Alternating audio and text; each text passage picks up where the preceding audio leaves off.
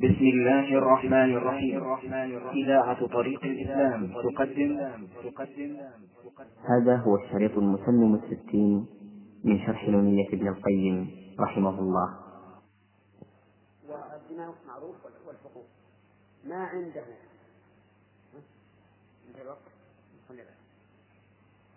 جامع اي نعم. وعندكم بالداب ولا بالدب؟ ها؟ بالهمزة نعم. قال الخوف عليه فهو بنفيها متوكل بالذهب والدينار فكلامه في النص عند خلافه من باب نفع الصائم الطعام فالأرض نفع النص عن مدعوه كي لا يطول إذا التقى الزحفان.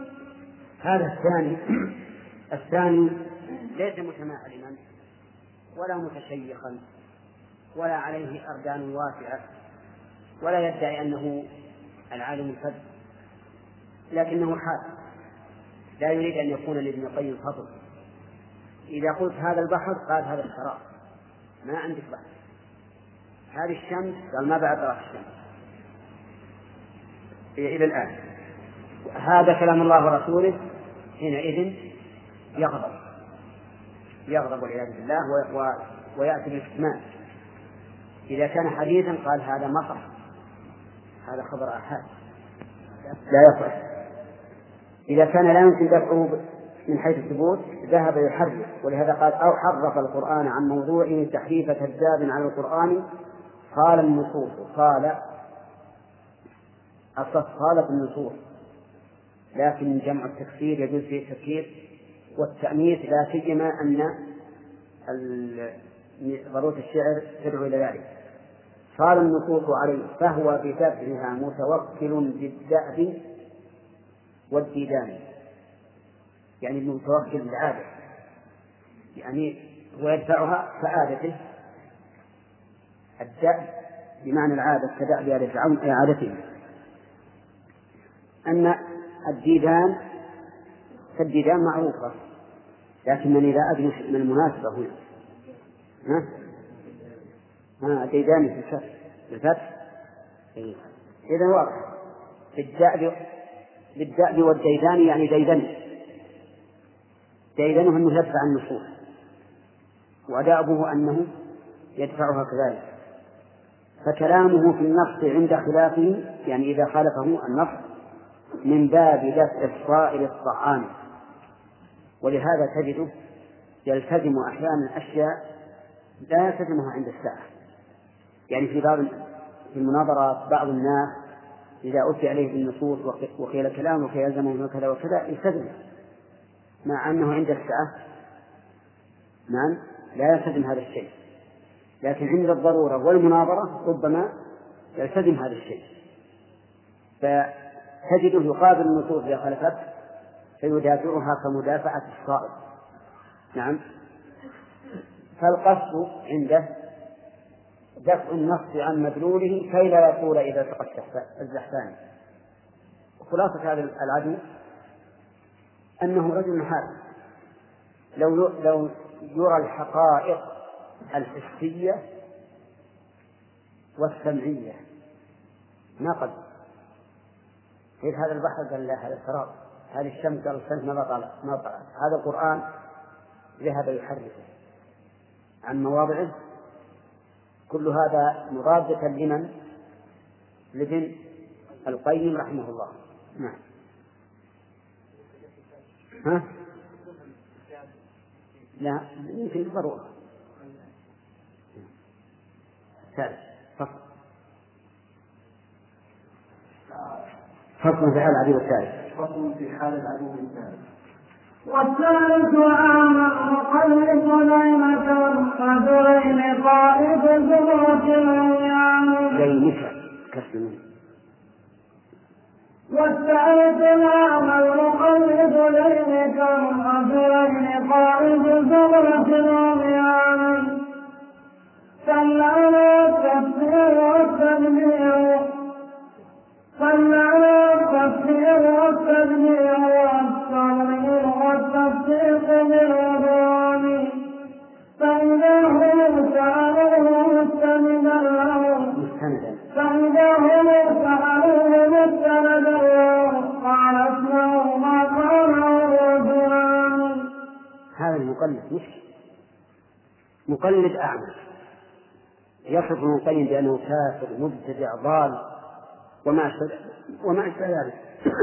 فيقال ما ما مستندك؟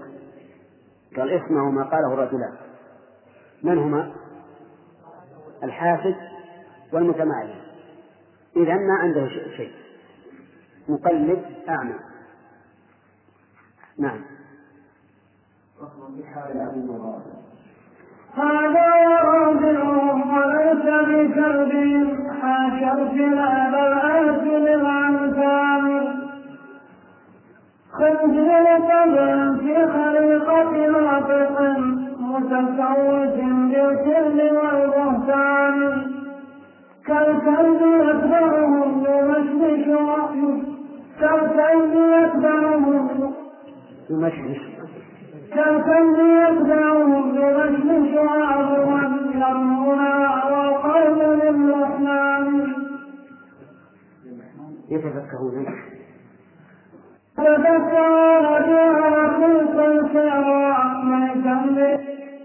ولا أثنان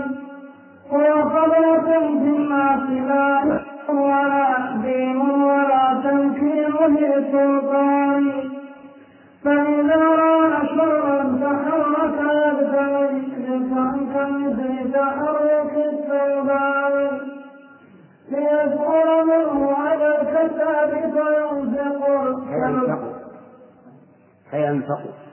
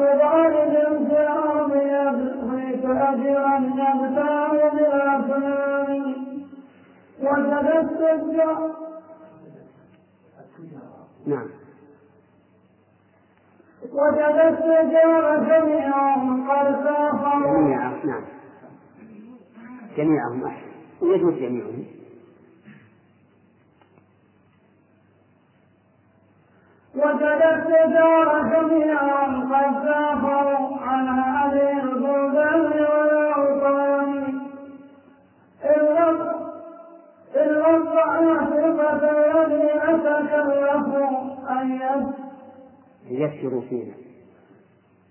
إلا الضعيفة الذين تكلفوا أن يسجعوا فينا بلا أثمان فهم لها فبالله وارحموا من بيعة من مخلص مد مديان مد بالدال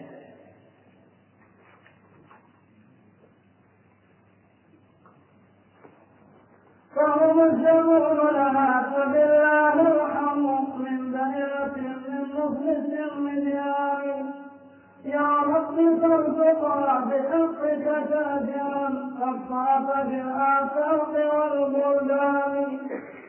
ما كل منقوش لديه ما كل منقوش لديه أصفر أصفر أصفر ما كل منقوش لديه أصفر ذهب يراه خالص العصيان وكذا الزكاة وضرة الروافد تمييز ما لهما مثلان أو مثلان أحسن وكذا الزكاة وضرة الروافد تمييز ما لهما مثلان يقول المؤلف رحمه الله فصل في حال العدو الرابع هذا ورابعهم وليس بكلبهم حاشا الكلاب الآكل الأنتان. يشير إلى قوله تعالى ويقولون سيقولون ثلاثة رابعهم كلبهم. لكن يقول هذا ما هو كلب؟ الكلاب تنزه عنه. حاشا الكلاب الآكل الأنتان. نعم. خنزير طبع أعوذ بالله. خنزير طبع في خليقة ناطق. يعني طبع طبع الخنازير ولكنه خليقته إنسان. إلا أن طبيعته طبيعة إلا أن طبيعته طبيعة الخنازير. متسوف بالكذب والبهتان. متسوف ولا متسوق عندكم؟ متسوف من التسويف. يعني أنه ليس عنده إلا الكذب. والبهتان. كالكلب يتبعهم يمشمش أعظما يرمونها والقوم للحمان يتفكهون بها. هذا تابع وليس كالمقلد بس يشوف ما يقول الناس فيقولونه. ما يقول الناس فيقولونه مثل الكلب. يتبع الناس يمشمش أعظما ترمى. الكلاب الآن تجدونها إذا رميت العظام. تمشمشها تشمها أولا ثم تأكل ما فيها من اللحم. والقوم الآخرون يتفكهون باللحم رخيصا سعرها ميتا بلا عوض ولا أثمان هو فضلة في الناس. هذا الرجل هو الذي يغتاب. ليس ليس له, له يعني رصيد من العلم ولا تقليد ولا هدف. إنسان يغتاب. إذا حضر مجلسا يمدح ابن القيم مدح.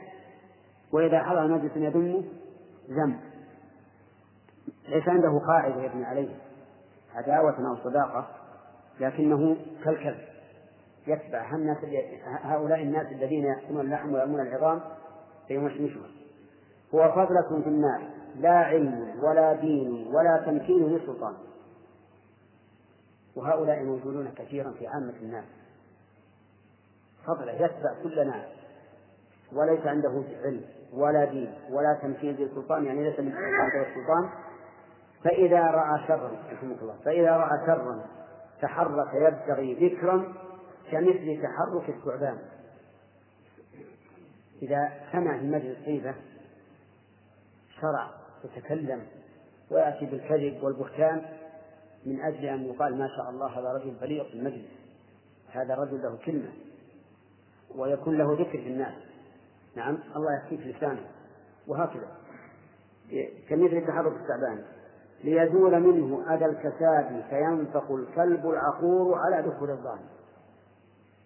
يعني يقول هذا وهو ما في خير من أجل أن يزول عنه أذى الكساد. كيف أذى الكساد؟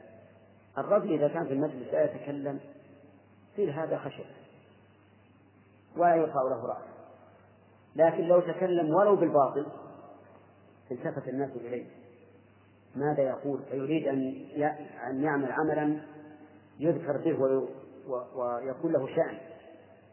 في المجلس فيزول فساده فينفق الكلب العقور على دخول الظان. كلب عقور إذا وجد دخول الظأن والظأن معروفة بإيش؟ بالذل معروفة بالذل والجبن. فإذا أتاها كلب عقور فيا ويلها. يا ويلها منه. فبقاؤه في الناس أعظم محنة من عسكر يعزى إلى غزان غزان أحد ملوك الستر. يعني بقى هذا الرجل محنة. وليس في كلامه رحمه الله اعتراض على القدر. لكن محاولة للإصلاح لإصلاح أمثال هؤلاء الناس. هذه بضاعة ضارب في الأرض يبغي تاجرا يبتاع بالأثمان وجد التجار جميعهم قد سافروا عن هذه البلدان والأوطان إلا الصعاتقة الذين تكلفوا أن يسروا فينا بلا أثمان وبئست البضاعة أن يكون الإنسان يجد يجد من يغتاب الناس.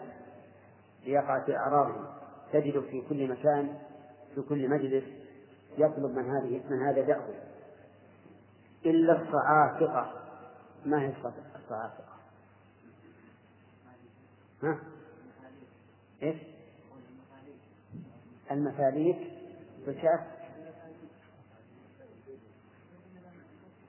الصعاتقة مفاليك ها؟ شو؟ فإذا اشترك التجار شيئا دخلوا معه. إلا الصعاقة الذين تكلفوا أن يكفروا فينا بلا أثمان يعني ما معهم فلوس فهم الزبون لها فبالله ارحموا من من من بيعة من مفلس مديان. يعني كثير الديون. يعني كثير الديون.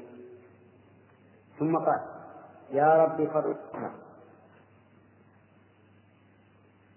فرق إيش؟ الظاهر مثل المنظومة يا رب فارزقها بحقك تاجرا قد طاف بالآفاق والبلدان. هنا بحقك توسل إلى الله سبحانه وتعالى بحقه. فما هو حقه؟ حقه أن نعبده. حقه أن نعبده. والعبادة من فعل العباد. والتوسل بأفعال العباد ليس شرعيا. لأن فعل العباد لا ينفع العباد لا ينفع إلا من فعله.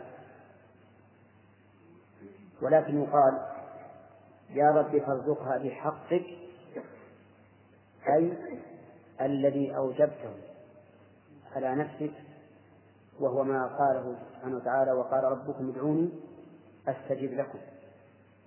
فكأن الحق الذي أوجبه الله على نفسه هو, هو إجابة الدعاء.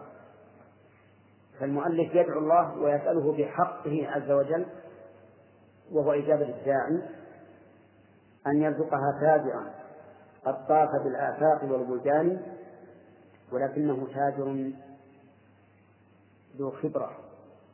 ما كل منقوش لديه أصفر ذهب لأنه يعرف الذهب من غيره. ذهبا يراه خالص العقيان وكذا الزجاج ودرة الغواص في تمييزه. أيهما أحسن؟ الزجاج المصنوع من الخزف أو درة الغواص الثاني. فيميز بين الزجاجة وبين الدرة ما إن هما مثلان. ما إن هذه زائدة. تقدير ما هما مثلان. ابن مالك يقول إعمال ليس أعملت ما دون إن. هنا هل تعمل ولا أو لا تعمل؟ لا تعمل. ليش؟ لأن فيها إن ما إن هما مثلان فهو كقول الشاعر بني غدانة ما إن أنتم ذهبوا ولا طريق ولكن أنتم الخزف. أظن باقي علينا أقل من نكمل ولا نكمل؟ ها؟ طويل طيب. نعم. نعم. يقول بدينك إيه. ماذا قال عندكم بحقك ما قال شيء؟ لا حقه الذي أوجبه على نفسه. نعم. له قال حقك. هذه مثل أسألك بحق السائلين عليه حق السائلين عليه إجابته فهو توسل إلى الله بفعله.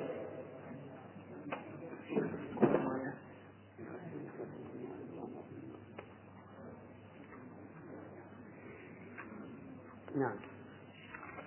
بسم الله الرحمن الرحيم. فصل في توجه أهل السنة إلى رب العالمين أن ينصر دينه وكتابه ورسوله وعباده المؤمنين. هذا ونصر الدين فرض لازم لا للكفاية بل على الأعيان. بيد وإما باللسان فإذا جزت فبالتوجه والدعاء بجنان. ما بعد ذا والله للإيمان حبة خردل من رأس. حدثي حدثي نعم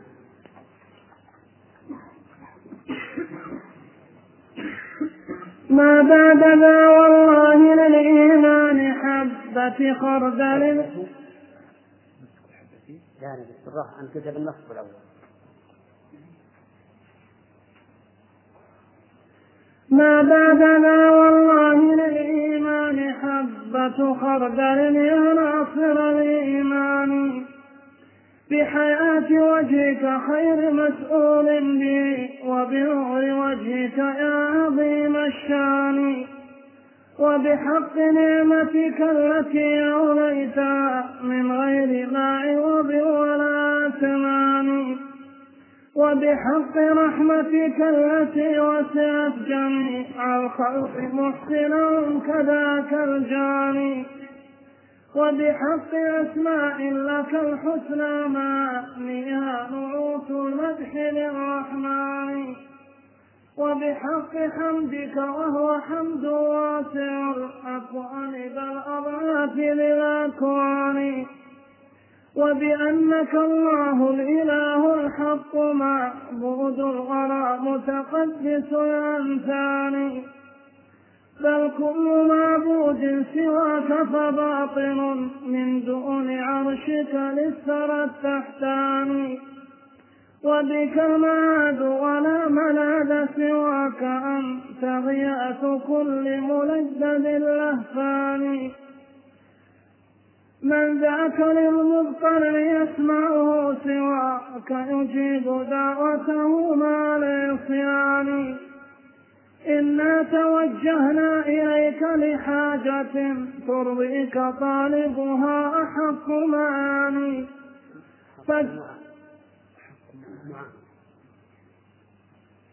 إنا توجهنا إليك لحاجة ترضيك طالبها أحق معاني فاجعل قضاها بعض علومك التي سبقت علينا منك كل زمان.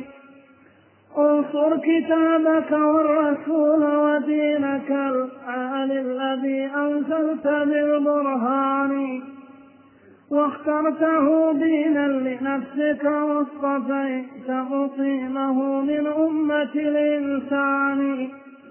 ورضيته دينا لمن ترضاه من هذا الورى هو أقيم الأديان. وأقر عين رسولك.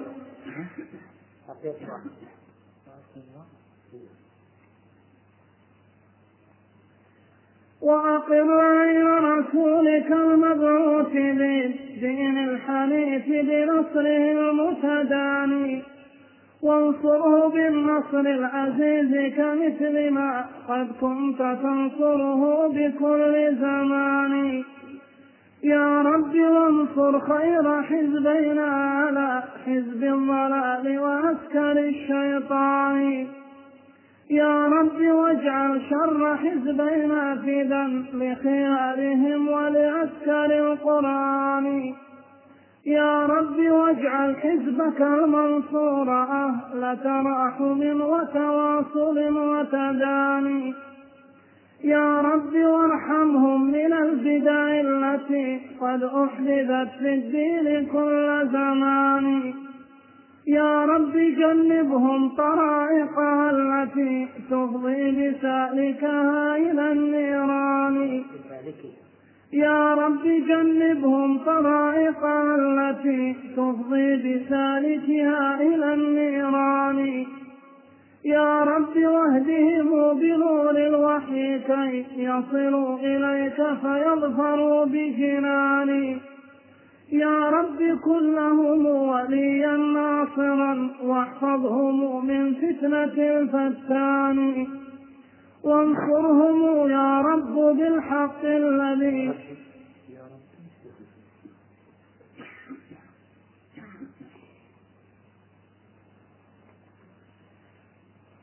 وانصرهم يا رب بالحق الذي أنزلته يا منزل القرآن.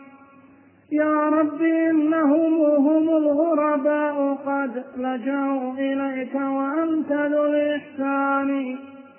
يا رب قد عادوا لأجلك كل هذا الخلق إلا صادق الإيمان. قد يا رب نعم. يا رب. يا رب قد عادوا. عادوا.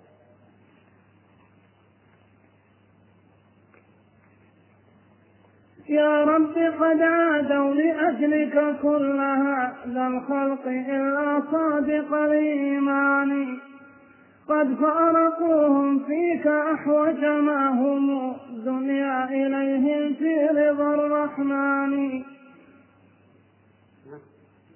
ظاهر الدنيا ورضوا ولايتك التي من نالها نال الأمان ونال كل أمان. ورضوا بوحيك من سواه وما ارتضوا بسواه من آراء ذي الهذيان يا رب ثبتهم على الإيمان واجعلهم هداة التائه الحيران. وانصر على حزب النفاة عساكر الإثبات أهل الحق والعرفان وأقم لأهل السنة النبوية الأنصار وانصرهم بكل زمان. واجعلهم للمتقين أئمة وارزقهم صبرا مع الإيقان تهدئ بأمرك لا بما قد أحدثوا ودعوا إليه الناس بالعدوان وأعزهم بالحق وانصرهم به نصرا عزيزا ذو السلطان. واغفر ذنوبهم وأصلح شأنهم فلا أنت أهل العفو والغفران. ولك المحامد كلها حمدا كما يرضيك لا يفنى على الأزمان ملء السماوات العلى والأرض والموجود بعد ومنتهى الإمكان. مما تشاء وراء ذلك كله حمدا بغير نهاية بزمان وعلى رسولك أفضل الصلوات والتسليم منك وأكمل الرضوان.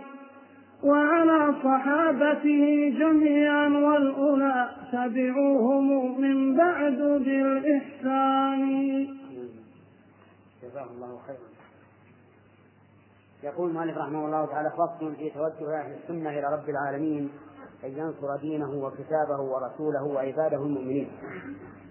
التوجه صرف الوجه إلى الشيء. المعنى أن أهل السنة يتوجهون إلى الله عز وجل بهذا الفصل أو بما تضمنه هذا الفصل. قال المؤلف هذا ونص الدين فرض لازم لا للكفاية بل على الأعيان. الأعيان. يعني أن نص الدين فرض على كل واحد من المسلمين أن ينصر الدين. ينصر الدين في نفسه وفي أهله وفي قومه وفي سائر المسلمين. ونصر الدين بالدفاع عنه والدعوة إليه والغيرة عليه والجهاد دونه بقدر ما يستطيع الإنسان من قوة حسب ما وجهه الله تعالى إليه من الحكمة والموعظة الحسنة والجدال بالتي هي أحسن. بيد وإما باللسان فإن عجزت فبالتوجه والدعاء بجنان. يعني تنصره بيدك أو بلسانك أو بالدعاء. وهذه المراتب الثلاث هي التي قال فيها رسول الله صلى الله عليه وسلم من رأى منكم منكرا فليغيره بيده فإن لم يستطع فبلسانه فإن لم يستطع فبقلبه. والإنكار بالقلب لا يكفي أن يكون الإنسان كارها للمنكر بل لابد مع ذلك من مفارقة أهل المنكر. فمن جلس معهم وهو يقول إني منكر بقلبي فهو كاذب. لقول الله تعالى وقد نزل عليكم في الكتاب أن إذا سمعتم آيات الله يكفر بها ويستهزأ بها فلا تقعدوا معهم حتى يخوضوا في حديث غيره. إنكم إذا مثلهم. فعليك أن تقوم أما إن أكرهت على البقاء ورددت إذا خرجت فهذا يكون الإنسان معذورا فيه عند الله لأنه مكره على هذا الشيء. ما بعد دعوى الله بالإيمان حبة خردل يا ناصر الإيمان. ما بعد ذا يعني الإنكار بالقلب والتوجه إلى الله في الدعاء. ما بعده شيء. ثم قال بحياة وجهك خير مسؤول به وجهك خير مسؤول به وبنور وجهك يا عظيم الشان. إلى آخره. بدأ المؤلف رحمه الله يتوسل إلى الله عز وجل بما ذكر لدعائه الذي ستسمعونه. قال بحياة وجهك حياة وجه الله عز وجل يجوز التوسل بها لأنها من صفاته. والتوسل إلى الله بصفاته جائز. وفي الحديث الصحيح اللهم بعلمك الغيب وقدرتك على الخلق أحيني إذا علمت الحياة خيرا لي وتوفني إذا علمت الوفاة خيرا. لي قال بعلمك الغيب. وعلم هنا صفة. قال و وبنور وجهك يا عظيم الشان. نعم. نور وجه الله عز وجل. لو كشف الحجاب عن وجهه لأحرقت سبحات وجهه ما انتهى إليه بصره من خلقه. يعني لأحرقت سبحات أي بهاؤه وعظمته ونوره كل شيء. ما انتهى إليه بصره من خلقه وبصره ينتهي إلى كل شيء. لأحرقت كل شيء. ولكن الله تعالى احتجب عن عباده بحجب من النور حجب عظيمة. ولهذا لما قيل الرسول عليه الصلاة والسلام هل رأيت ربك؟ قال نور أن أراه. يعني أنه حال بيني وبينه نور أنوار عظيمة. حجب. وبنور وجهك يا عظيم الشان. وبحق رحمتك التي وسعت جميع الخلق؟ نعم قبل.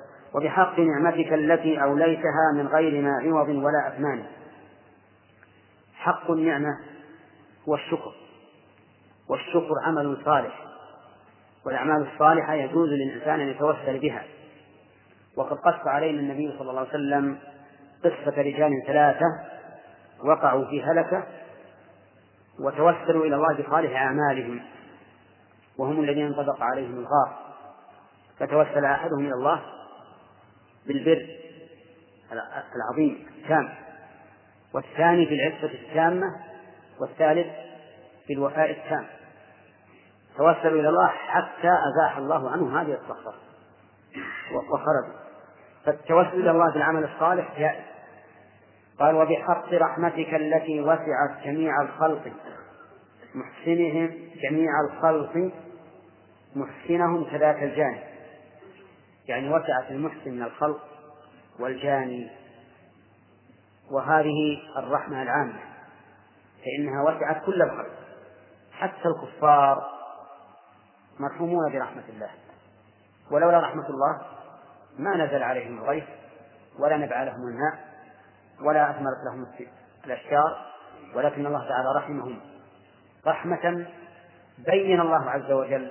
مغبتها فقال والذين كفروا سنستدرجهم من حيث لا يعلمون وأملي لهم إن كيدي متين. قال وبحق أسماء لك الحسنى معا معانيها نعوت المدح للرحمن. بحق أسمائه أيضا أسماء الله حسنى يتوسل بها إلى الله عز وجل.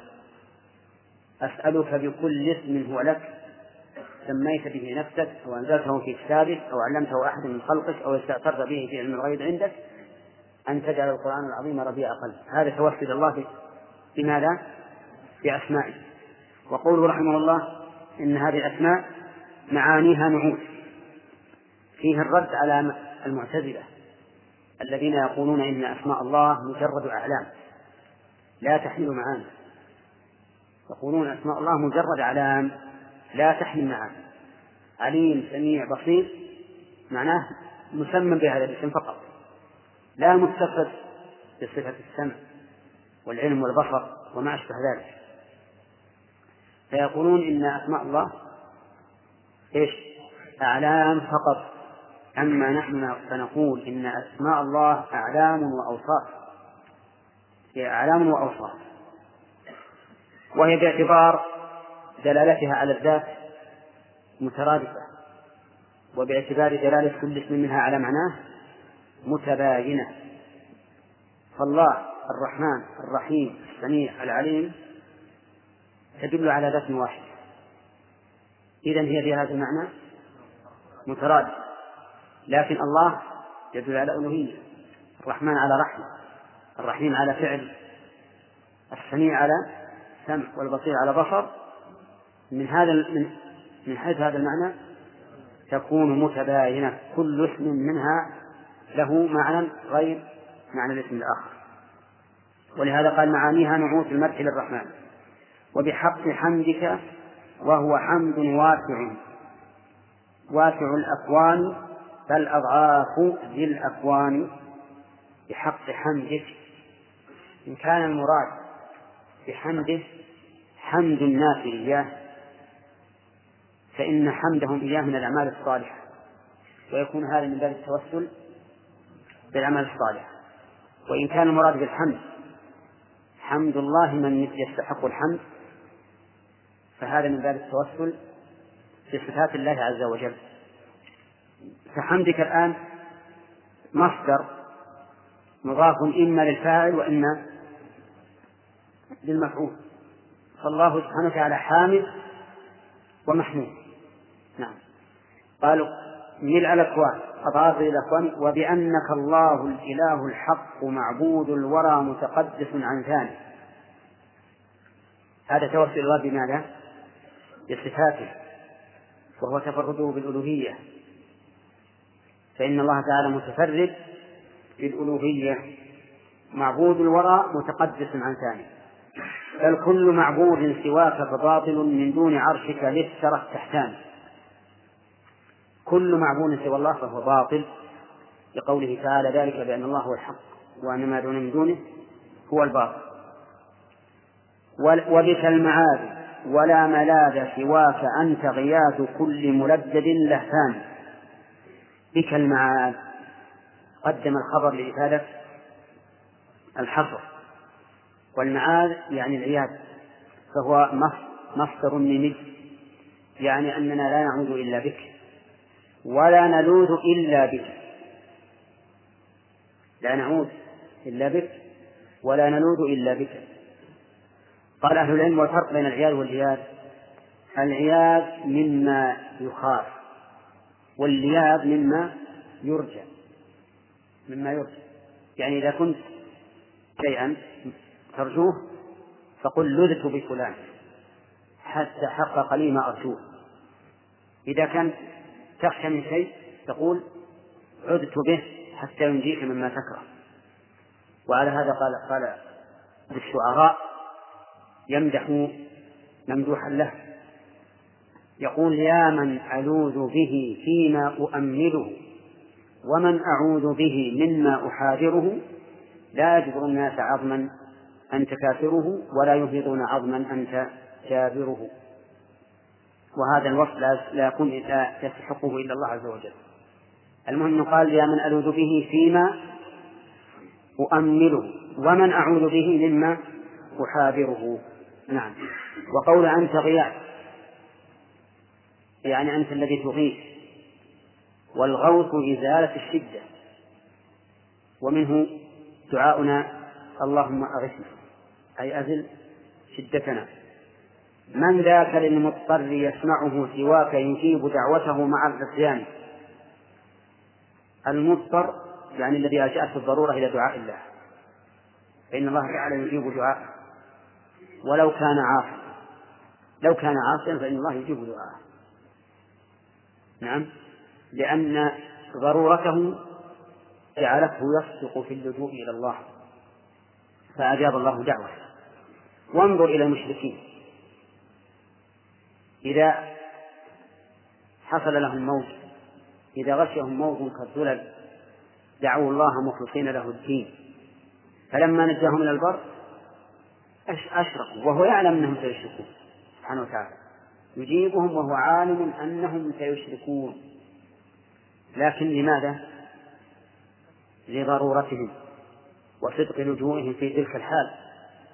يجيبهم عز وجل لأنه أكرم الأكرمين وأرحم الراحمين فيجيبهم مع علمه بعصيانهم ومع علمه أنهم سيرجعون شركهم إذا نجوا. قال إنا توجهنا إليك لحاجة ترضيك ط... نعم. ترضيك. إنا توجهنا إليك لحاجة ترضيك. طالبها أحق معان من هنا بدأ المؤلف بما يدعو به. تجعل قضاها بعض أنعمك التي سبقت علينا منك كل زمان. ما هي الحاجة؟ قال انصر كتابك والرسول ودينك العالي الذي أنزلت بالبرهان. هذه الحاجة التي لنا. وهذه يجب أن تكون حاجة لكل مسلم. أن الله تعالى ينصر كتابه ورسوله ودينه. الذي الذي أنزلته بالبرهان واخترته دينا لنفسك في قوله تعالى ورضيت لكم الإسلام دينا واصطفيت مقيمه من أمة الإنسان. اصطفيت مقيمه أي مقيم هذا الدين. وهو الرسول عليه الصلاة والسلام وأمته وأمته. فإن الله تعالى اصطفاهم على كل الخلق. هذه الأمة هي الوسط من جميع الأمم كما قال تعالى وكذلك جعلناكم أمة وسطا أي عدولا خيارا. من جميع الأمم. واخترت مقيمه نعم من أمة الإنسان. ورضيته دينا لمن ترضاه من هذا الوراء هو قيم الأديان. رضيته دينا لمن ترضاه من من من, من الوراء فكل إنسان وفقه الله عز وجل للدين الإسلامي فهو دليل على أن الله قد اختاره. وأقر عين رسولك المبعوث بالدين الحنيف بنصرة بنصره المتداني أي القريب. أقر عين رسولك. كيف قال أقر عين رسولك بنصره المتداني؟ مع أن الرسول صلى الله عليه وسلم ميت. والجواب عن هذا أن نقول إن الرسول عليه الصلاة والسلام تعرض عليه أعمال أمته. فإذا عرض عليه النصر فلا شك أن عينه ستقر بذلك. صلوات الله وسلامه عليه. وانصره بالنصر العزيز كمثل ما قد كنت ناصره بكل زمان. ها؟ فانصر. عندي وانصر. قال أقر عين رسولك وانصر. بالنصر العزيز أي ينصر الدين. الحنيف. بالنصر العزيز كمثل ما قد كنت ناصره بكل زمان. تنصره؟ كما قد كنت تنصره بكل زمان. يا رب وانصر خير حزبينا على حزب الضلال وعسكر القرآن. سبحان الله استغفر الله. يا ربي وانصر خير حزبينا على حزب الضلال وعسكر الشيطان. هذا من العدل من المؤلف رحمه الله. قال اللهم انصر خير حزبين. نعم ولم يقل انصرنا. أو انصر حزبنا مع أن حزبه هو هو الخير. لكن هذا من باب مراعاة الخصم والعدل. يا رب وانصر خير حزبينا على حزب الضلال وعسكر الشيطان. يا رب واجعل شر حزبينا فدا لخيارهم ولعسكر القرآن. ونحن نقول آمين ثم آمين. يا رب واجعل حزبك المنصور أهل تراحم وتواصل وتدان. لما سأل الله لهم النصر سأل الله أن يجعل ما بينهم على وجه الاستقامة. وذلك بماذا؟ أن يكون أهل تراحم. أهل تراحم وتواصل وتداني أي تقارب. يا رب واحمهم من البدع التي قد أحدثت في الدين كل زمان. يعني عندي واحمهم. اللي عندنا أحسن من الحماية. يا رب واحمهم من البدع التي قد أحدثت في الدين كل زمان. يا رب جنبهم طرائقها أي طرائق البدع التي تفضي بسالكها إلى النيران. يا رب وهدهم بنور الوحي كي يصلوا إليك فينظروا بجنا فيظفروا بجنان. يا رب كن لهم وليا ناصرا واحفظهم من فتنة الفتان. وانصرهم يا رب بالحق الذي أنزلته يا منزل القرآن. يا رب إنهم هم الغرباء قد لجأوا إليك وأنت ذو الإحسان. يا رب إنهم هم الغرباء قد لجأوا إليك. هذا من باب التوسل في الحال. أن يتوسل الإنسان إلى الله في حاله. والتوسل إلى الله بالحال جائز. ومنه قول موسى رب إني لما أنزلت إلي من خير فقير. فإذا توسل الإنسان بحاله إلى الله فإن هذه الحال سبب لعطف الله عز وجل عليه وعنايته به. يا ربي قد عادوا لأجلك كل هذا الخلق إلا صادق الإيمان. قد فارقوهم. قد فارقوهم. فيك. عندي تسلم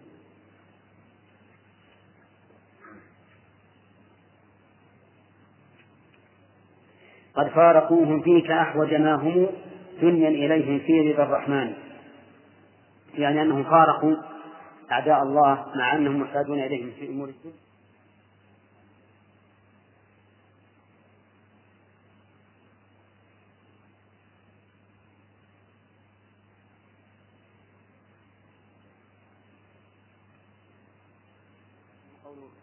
موسى رب إني لما أنزلت إلي من خير فقير.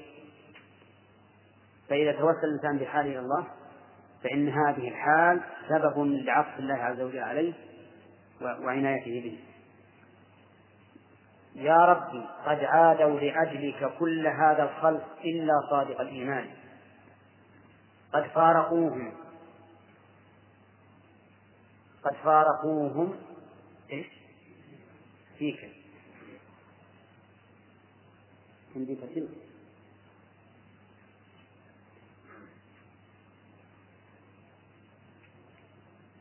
قد فارقوهم فيك أحوج ما هم دنيا إليهم في رضا الرحمن. يعني أنهم فارقوا أعداء الله مع أنهم محتاجون إليهم في أمور الدنيا لكن من أجل رضا الله عادوهم وفارقوهم ورضوا ولايتك التي من نالها نال الأمان ونال كل أمان. نال الأمان ضد خوف. ونال كل أمان أي كل أمنية. وليس كل أمان الذي هو ضد الخوف لئلا يكون البيت مكررا. ورضوا بوحيك عن من سواه وما ارتضوا بسواه من آراء ذي الهذيان يعني صاروا يتحكمون إلى الوحي لا إلى آراء الرجال. يا رب ثبتهم على الإيمان واجعلهم هداة التائه الحيران. وانصر على حزب النفاة عساكر الإثبات أهل الحق والعرفان. وأقم لأهل السنة النبوية الأنصار وانصرهم بكل زمان. واجعلهم للمتقين أئمة وارزقهم صبرا مع الإيقان هذا يشير إلى قوله تعالى وجعلناهم أئمة يهدون بأمرنا لما صبروا وكانوا بآياتنا يوقنون. نعم. وارزقهم صبرا مع الإيمان. واجعلهم للمتقين أئمة وارزقهم صبرا مع الإيقان. تهدي بأمرك يعني أئمة تهدي بأمرك لا بما قد أحدثوا ودعوا الناس و... نعم ودعوا إليه الناس بالعدوان. يعني اجعلهم أئمة يهدون بأمرك لا بما أحدث الناس ودعوا إليه بالعدوان وأعزهم بالحق وانصرهم به نصرا عزيزا أنت ذو السلطان. واغفر ذنوبهم واغفر ذنوبهم وأصلح شأنهم فلا أنت أهل العفو والغفران. ولك المحامد كلها حمدا كما يرضيك لا يفنى على الأزمان. ملء السماوات العلى والأرض والموجود بعد ومنتهى الإمكان. مما تشاء وراء ذلك كله حمدا بغير نهاية بزمان. هذا يشير إلى قول الرسول عليه الصلاة والسلام ملء السماوات وملء الأرض وملء ما بينهما وملء ما شئت من شيء بعد. وعلى رسولك أفضل الصلوات والتسليم منك وأكمل الرضوان وعلى صحابته جميعا والأولى تبعوهم من بعد بالإحسان. آمين. الحمد لله رب العالمين. وقد انتهت هذه وعلقنا عليها ما فتح الله به علينا ونسأل الله أن ينفع به. والحقيقة أنها أن هذه القصيدة كما سمعتموها أو سمعها أكثركم قصيدة رائعة. ولا ما لا يعاب عليها إلا أن أفهامنا قاصرة دونها وأنها أحيانا يكون فيها تكرار من أجل إثبات تثبيت المعاني. ورحمه الله يكرر كثيرا من أجل تثبيت المعاني. والتكرار من أجل التثبيت ولأهمية الموضوع أمر مألوف حتى في القرآن الكريم من الأشياء المكررة معانيها ما هو معلوم. بل في بعض الآيات تجد الآية برمتها.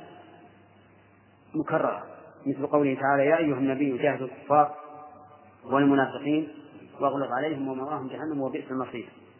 كل هذا من أجل تثبيت الأمور الهامة في أذهان الناس. أما ماذا نقرأ من بعدها فما هو؟ ها؟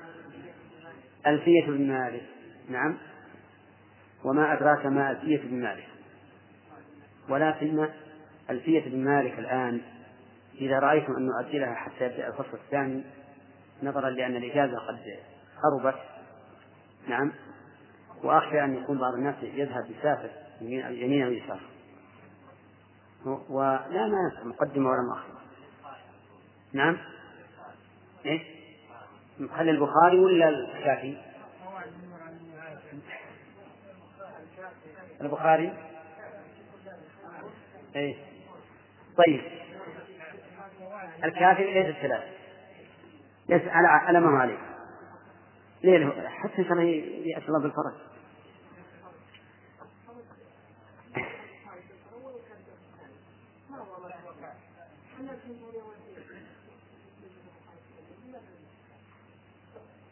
كيف؟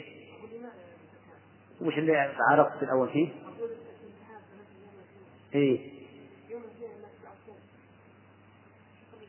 صحيح. كان يكون يعني يوم الاثنين يشد راسه.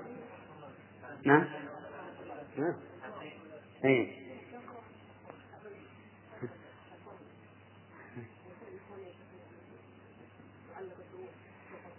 فيه. رحم الله الإمام ابن قيم الجوزية والشيخ محمد بن عثيمين وجزاهما خير الجزاء. مع تحيات إخوانكم في إذاعة طريق الإسلام والسلام عليكم ورحمة الله وبركاته.